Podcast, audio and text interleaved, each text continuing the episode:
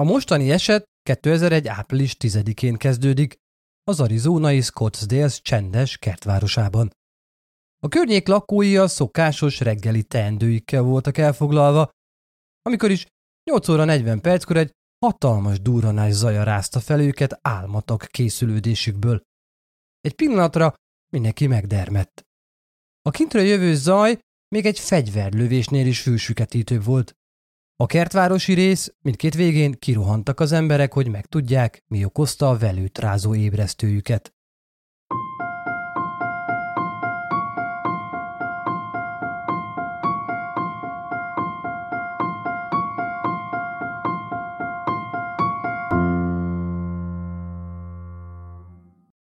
Sziasztok!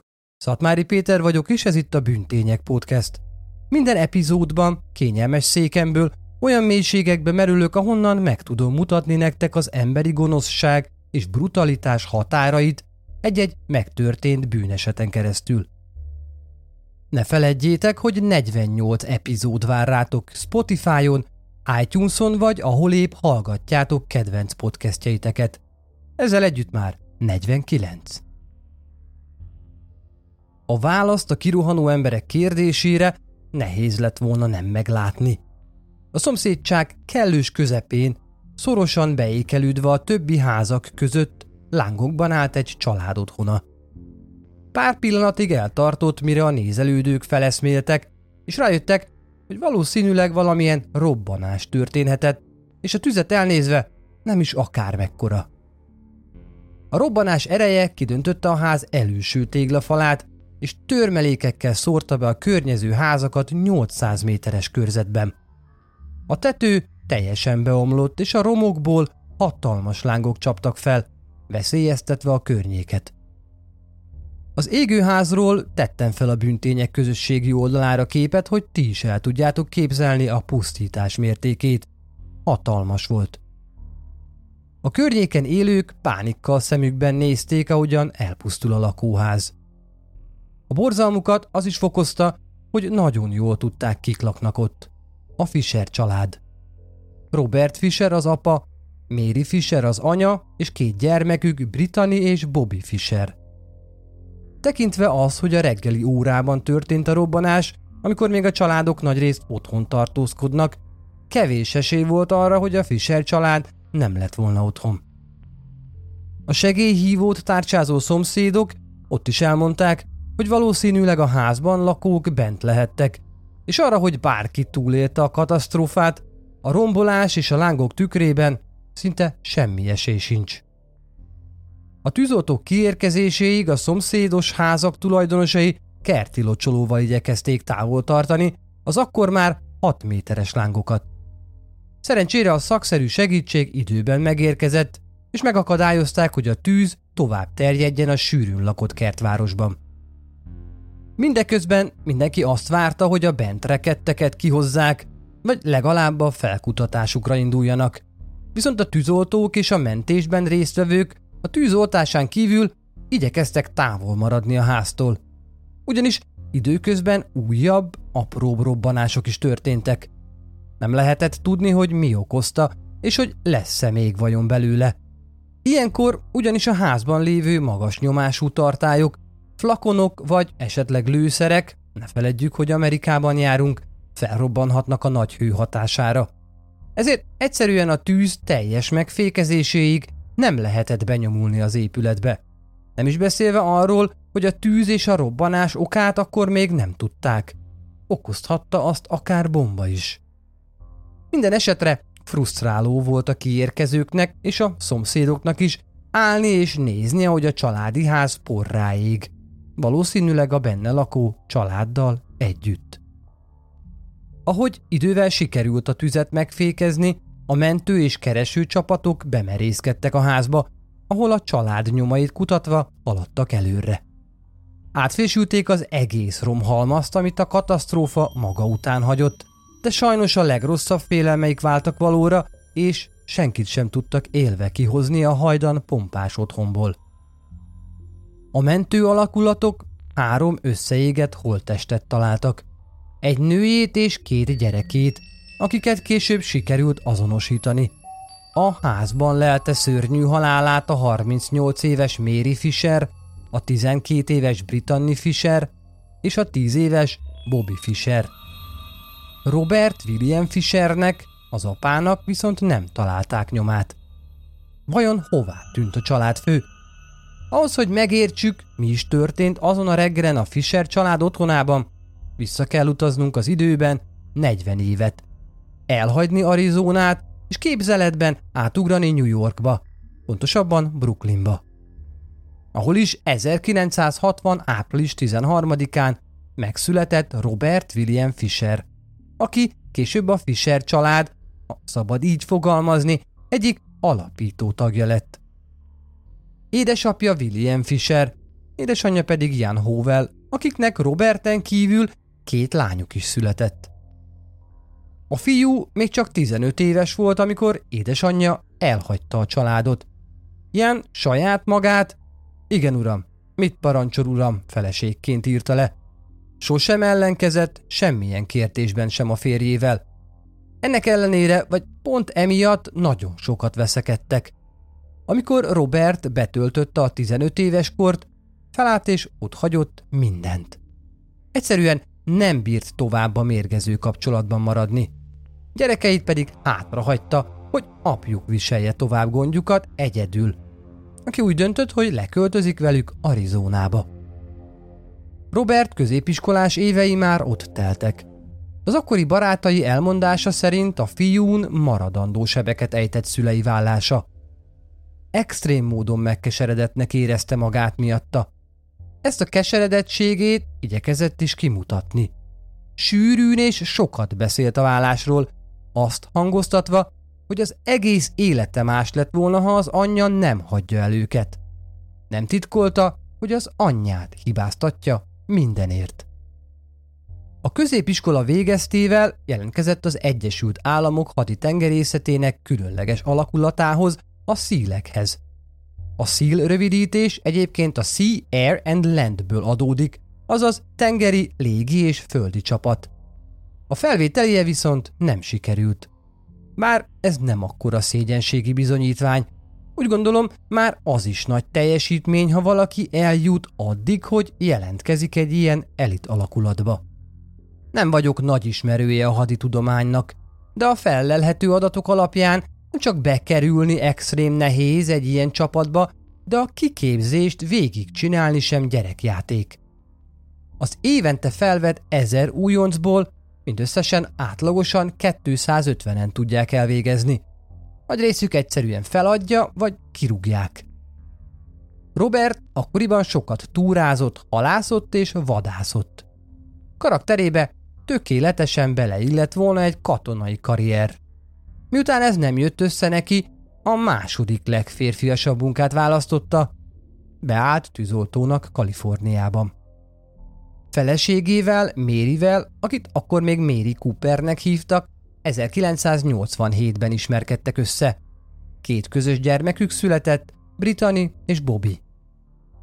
Ahogy múltak az évek és a fiatal pára két gyerekkel az élet sűrűjében irányította családjuk hajóját, a dolgok rosszra fordultak. Miután egy hátsérülés miatt Robert kénytelen volt otthagyni szeretett tűzoltói munkáját, viselkedése gyökeresen megváltozott. Kegyetlenné és irányítóvá vált a családjával szemben. Úgy döntött, hogy a legjobb, ha visszaköltöznek Arizonába, ahol új karrierbe kezdhet orvosi területen. Ez a fajta karrier viszont hatalmas idő és energia befektetést igényelt tőle, ami miatt közte és Méri között mindennapossá váltak a veszekedések a pénz és a szex körül. Azt gondolom, ha ma megkérdeznénk egy vállásokkal vagy párterápiával foglalkozó szakembert a gyakori házastársi problémákról, ez a két témakör lenne az első, amit említ. Méri is munkát vállalt. Barátai elmondása szerint azért, hogy egy biztonsági tartalékot képezzen, arra az esetre, ha férje lelépne. Érzései szerint ugyanis Robert már kereste a helyét a világban, ahová leléphet a családja mellől. Méri édesanyja, Jenny Cooper már ideje korán észrevette lánya házasságán a repedéseket, és azt, hogy Méri kapcsolata férjével mennyire mérgező. Robert Piához hasonlóan rosszul bán gyermekeivel is. Szerette volna, ha Bobby követi őt a vadászatban és horgászatban. Bobby viszont talán kora miatt nem érdeklődött az ilyen irányú elfoglaltságok iránt. Robert cserébe megalázta. Mindenkinek elmondta, hogy mekkorát csalódott fiában, és hogy mennyire kiábrándult emiatt belőle. Egy halálakor tíz éves kisfiúról beszélünk. Robert a család többi tagjával is furán viselkedett. Kifelé zárkózottnak mutatta magát, és igyekezett elkerülni a beszélgetéseket. Sokszor csak ült magában, csendben. Ez a viselkedése idővel még rosszabb lett. Méri anyja észrevette, hogy Robert lányát is ebbe az irányba próbálja kényszeríteni. Megpróbálta ugyanis Mérit is elszeparálni családjától. Egy alkalommal, amikor Jenny szembesítette vejét azzal, hogy látja ám, hogy miben mesterkedik, Robert azt válaszolta, hogy mindezt azért teszi, mert attól fél, hogy elveszíti a családját, mint ahogyan elvesztette fiatalon édesanyját is. Közeli barátaik sem tudtak segíteni abban, hogy megakadályozzák a férfi átváltozását. Többük úgy nyilatkozott, hogy Robert egyszerűen régi családja mintájára formálta új családját.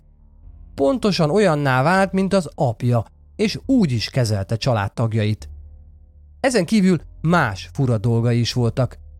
Egyik vadászata alkalmával az elejtett szarvas vérét az arcára kente, mint valami indián filmben. Egy másik alkalommal pedig, szintén vadászat közben, egy gyanútlanul piknikező család mögé settenkedett, és a levegőbe lőtt, mondván ez micsoda jó móka.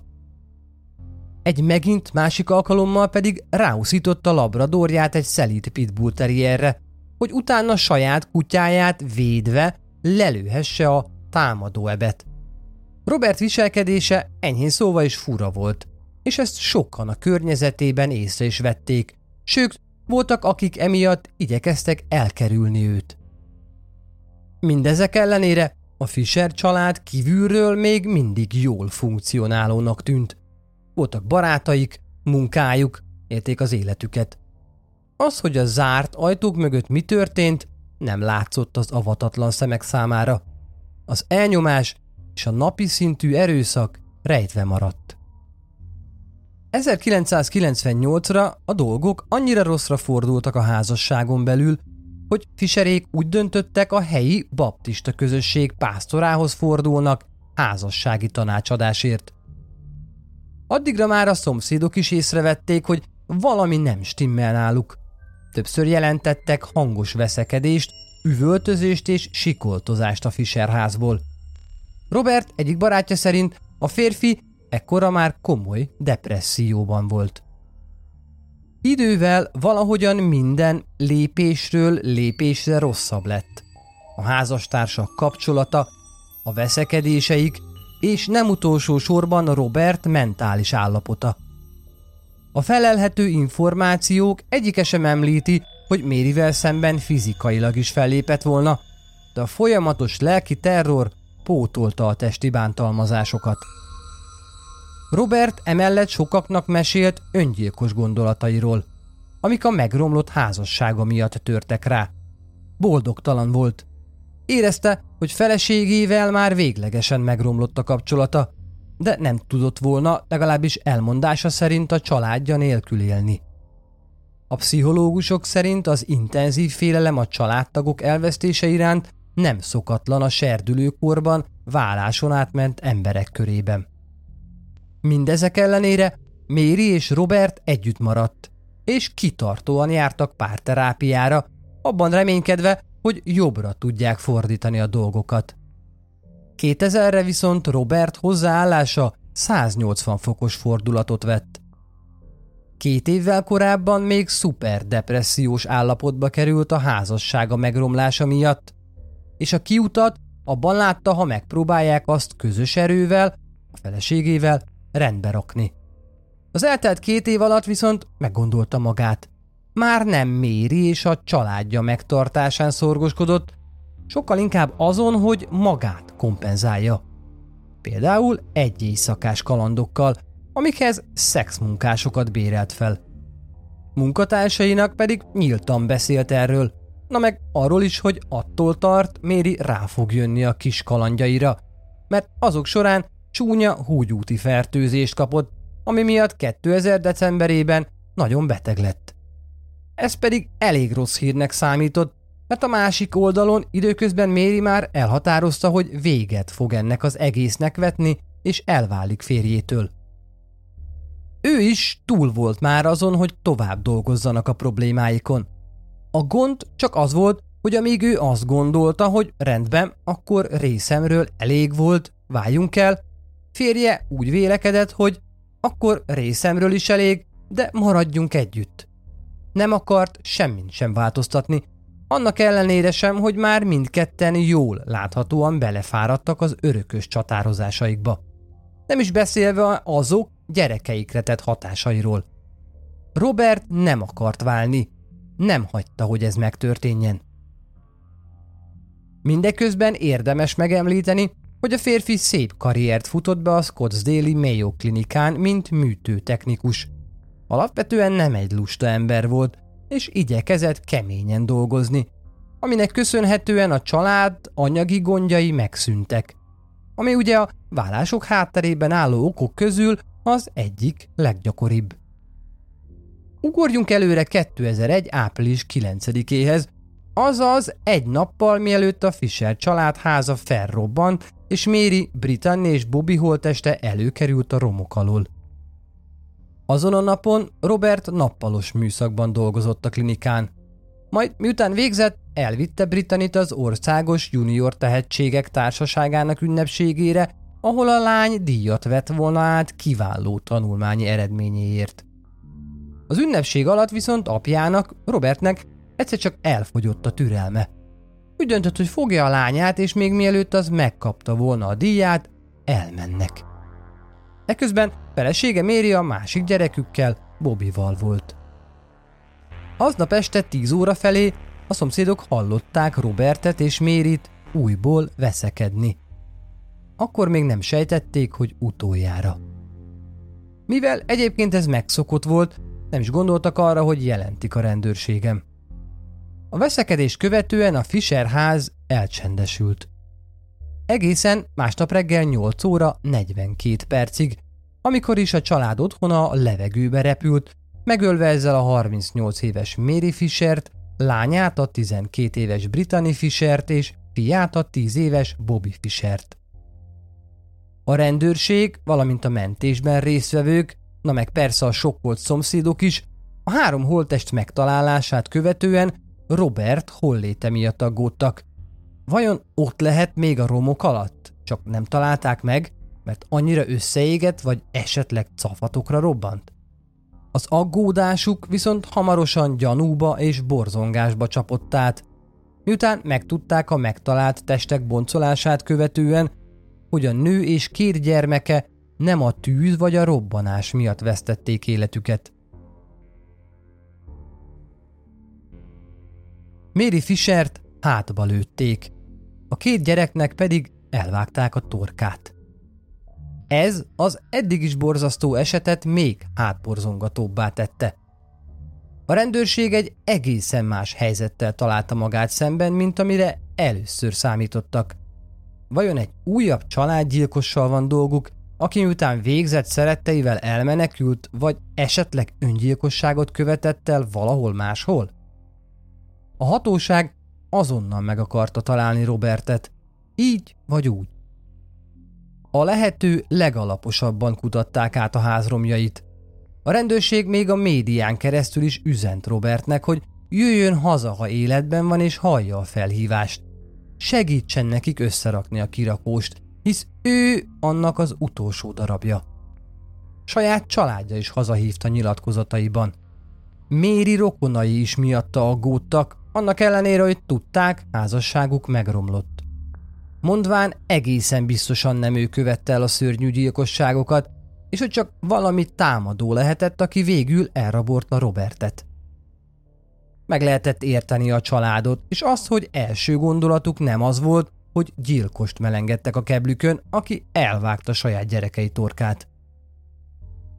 Viszont a ti szemszögetekből, akik most hallgatják ezt a podcastet, és persze az én szemszögemből is, majd hogy nem egyértelmű, hogy ki a gyilkosságok első számú gyanúsítottja. Nem gondolkozott másként a rendőrség sem. Főleg miután a romok átkutatása után megállapították, hogy Robert ruhái és fegyvere is hiányzik. A halmazódó bizonyítékok mindegyike a férfi felé mutatott. A helyszín alapos vizsgálata arra az eredményre jutott, hogy a robbanást gáz okozta. A ház egyik végében a tűzhelyhez futó gázcső el volt vágva. A tűzoltók pedig arra is találtak bizonyítékot, hogy bentebb a házban, távolabb a gáztól gyertyát gyújtottak. Azaz valaki, nagy valószínűséggel Robert, megrongálta a gázvezetéket a ház egyik végében, majd letette egy gyertyát messzebb a ház belsejében, ami késleltetve berobbantotta az azt elérő gázt.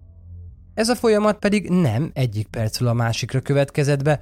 A szakemberek számítása szerint a gáz koncentrátum 10 óra alatt növekedett meg a távoli helyiségben annyira, hogy azt a gyertya lángja belobbantsa. Ami végül a robbanást okozta. Robertnek tehát volt 10 órányi előnye.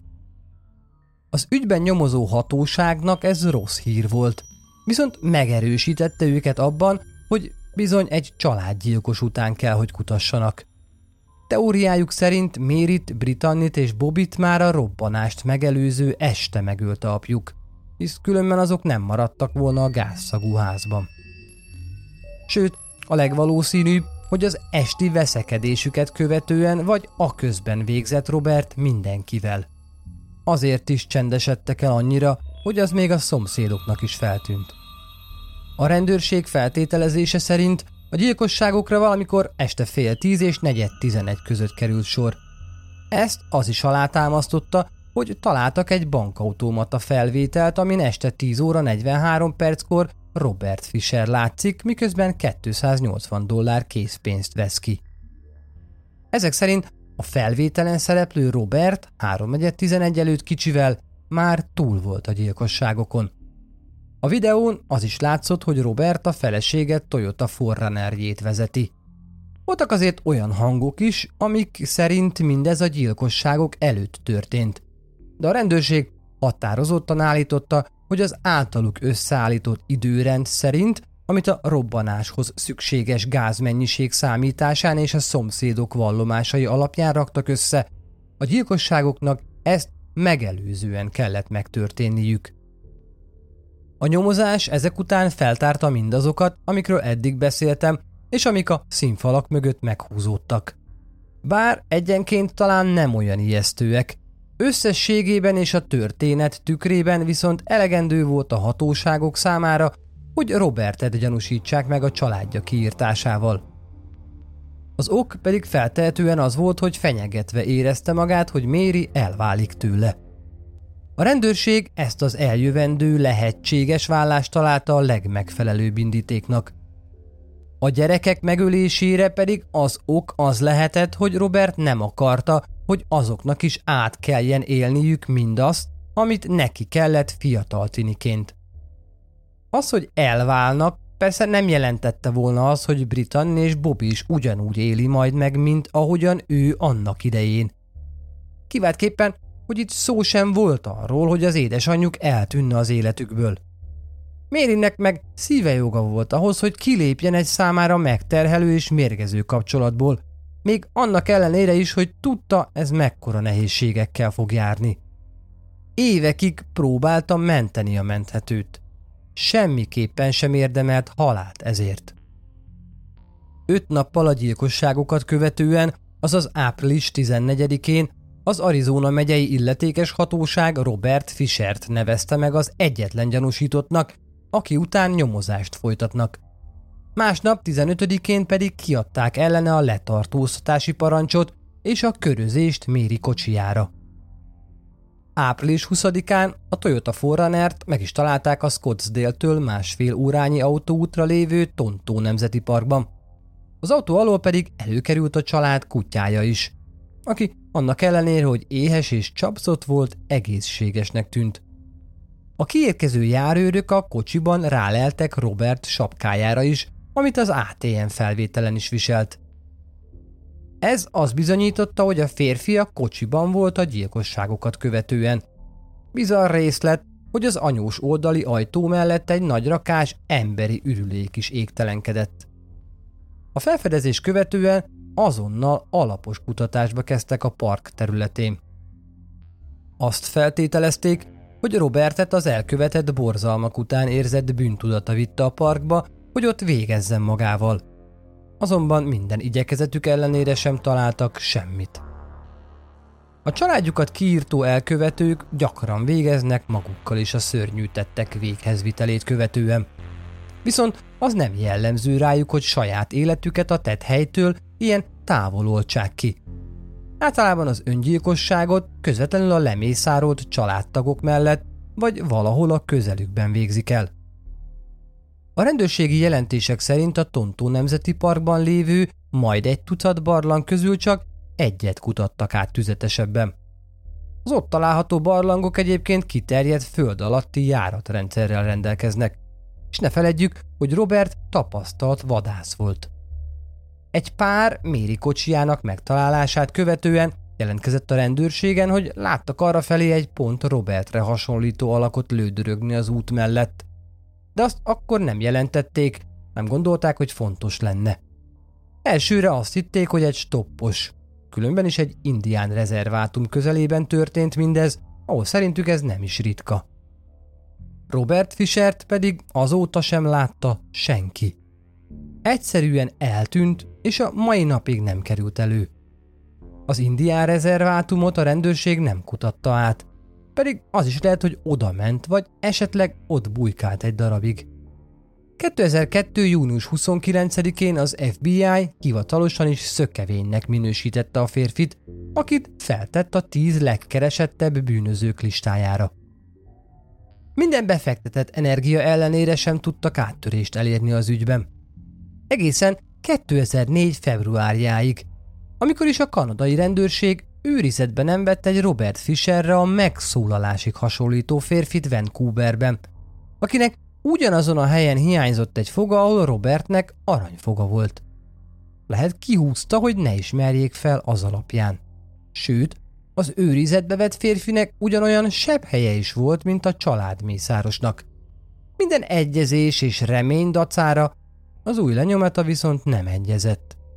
A rendőrök arra is gondoltak, hogy talán leégette azokat, hogy elváltoztassa, de sem égési, sem pedig gyógyulási nyomokat nem találtak a majdnem Robert Fisherként azonosított férfi ujjain. 2016 áprilisában az FBI a Scottsdale rendőrséggel karöltve egy digitálisan öregített képet adott ki Robertről, amit a bűntények közösségi média oldalain ti is megnézhettek. Ahogy ez időtelt, Robert lecsúszott a top 10-es legkeresettebb bűnözők listájáról, de 475-ként ma is ott van. A család elmondása alapján Méri szerető és gondoskodó anya volt, aki teljes válszélességgel részt vett gyermekei életében. Mind ő és két gyermeke erősen hittek Istenben, és mélyen spirituálisak voltak. Brittany intelligens és szorgalmas diák volt. A sok iskolai teendője ellenére aktívan sportolt, baseballozott és focizott. Tíz éves öccse Bobby nagyon közel állt nővéréhez, és imádott rajzolni. Robert Fisher már több mint húsz éve sikeresen bujkál az FBI és a rendőrség elől, akik szerint vadászmúltja segít neki ebben. Tudja, hogyan rejtőzön a vadonban és éljen túl.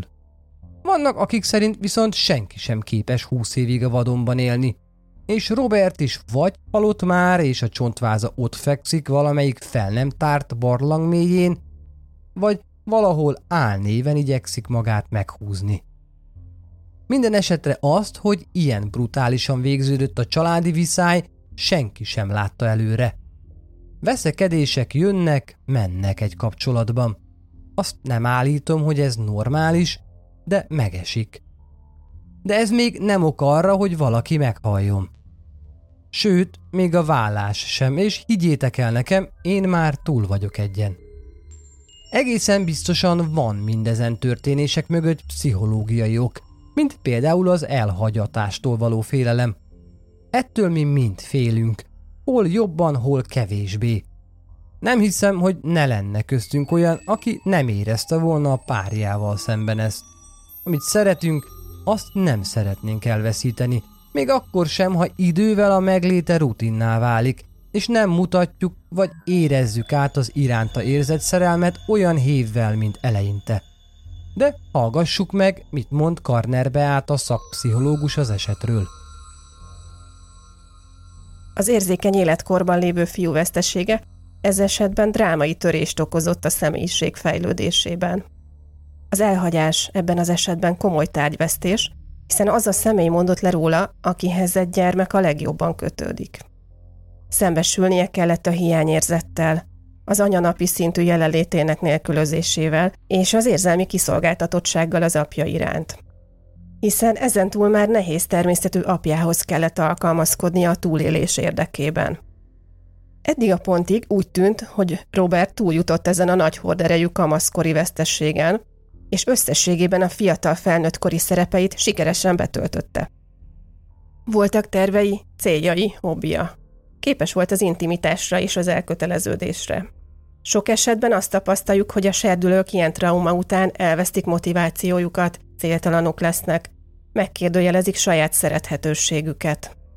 Ha az anyám lemond rólam, hogy leszek szerethető bárki más számára. Ilyenkor jönnek a destruktív pótcselekvések, függőségek, ami akár személyiségzavarokhoz is vezethet. Korábbi munkájának elvesztése egyértelműen komoly krízisbe taszította Robert amúgy is labilis személyiségét. A vesztesség miatt ugyanis újra kellett tervezniük a családi működést, mind technikailag, mind egzisztenciálisan, ami megnövelte a napi stresszfaktorokat. De még ennél is mélyebben hathatott a családfőre, hiszen ez egy vesztességélmény, előránthat korábbi, rég eltemetett traumákat is. Az, hogy képes volt új célt felállítani, új forgatókönyvet, új stratégiát kidolgozni, ez viszont arról árulkodik, hogy Robert rendelkezett egy kemény énmaggal, és kellő énereje volt ahhoz, hogy megvalósítsa újabb hivatását. Természetesen kérdés, hogy milyen áron. Feltételezzük, hogy feleségétől és gyermekeitől ez intenzív alkalmazkodást igényelt. Robert esetében a konfliktusokkal terhelt gyermekkor és az ezt követően kialakult kötődési zavar pszichózisig fajult. A tudat ez esetben védekezett a fájdalmas érzések ellen, ami, ahogy Peti is utalt rá, az elhagyatástól való félelem, a kevés vagyok megélése, az alapvető fenyegetettség érzése. A pszichotikus epizódok sajnos gyakran torkolanak öngyilkosságba, vagy kiterjesztett öngyilkosságba. Ez esetben a hirtelen elemi agresszió először a családját találta meg, és lehet, hogy tervei között szerepelt ezt követően a saját életének a kioltása is. Viszont talán ez végül megijesztette.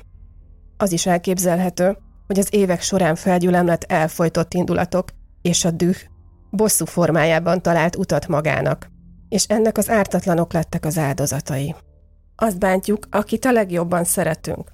Annyira fájdalmas lett volna számára egy újbóli tárgyvesztés, hogy inkább saját magát fosztotta meg a szeretett tárgyaktól. Így még mindig azt érezhette, hogy nála van a kontroll. Fontos üzenete a történetnek, hogy a családtagok kérjenek időben segítséget, ha tudatzavart, fokozott agressziót, realitásvesztést tapasztalnak. Akár olyan áron is, ha ez konfrontációval jár. A rendszerben sokszor a nehézségek is benne vannak. Itt, mint oly sok esetben már a készülékben volt a hiba, és ez a hiba három ember életébe került. Köszönöm, hogy velem tartottatok ma is. A következő epizódig sziasztok!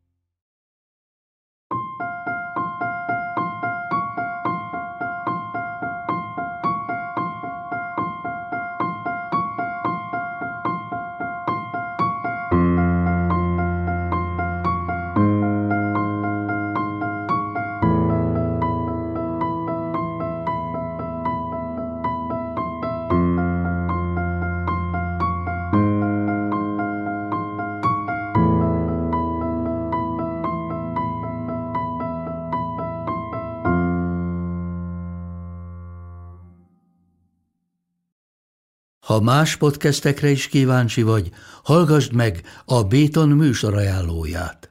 El tudod képzelni, hogy a podcastet, amit éppen most hallgattál, fél év múlva már a mesterséges intelligencia generálja? Mi sem. De ha érdekel, eljötte már a gépek lázadása. Hallgass bele az Embertelen podcastbe. Orsós Lajos vagyok, a műsor házigazdája. Egyelőre még élőben. Egyelőre. Fedezzük fel együtt, hogyan ismerkedik, randizik, mesél és vitatkozik Betty és Péter, két teljesen mesterséges intelligencia. Lajos, a podcast címét mond még egyszer, Léci. Oké. Okay. Embertelen podcast. Ez a műsor a Béton közösség tagja.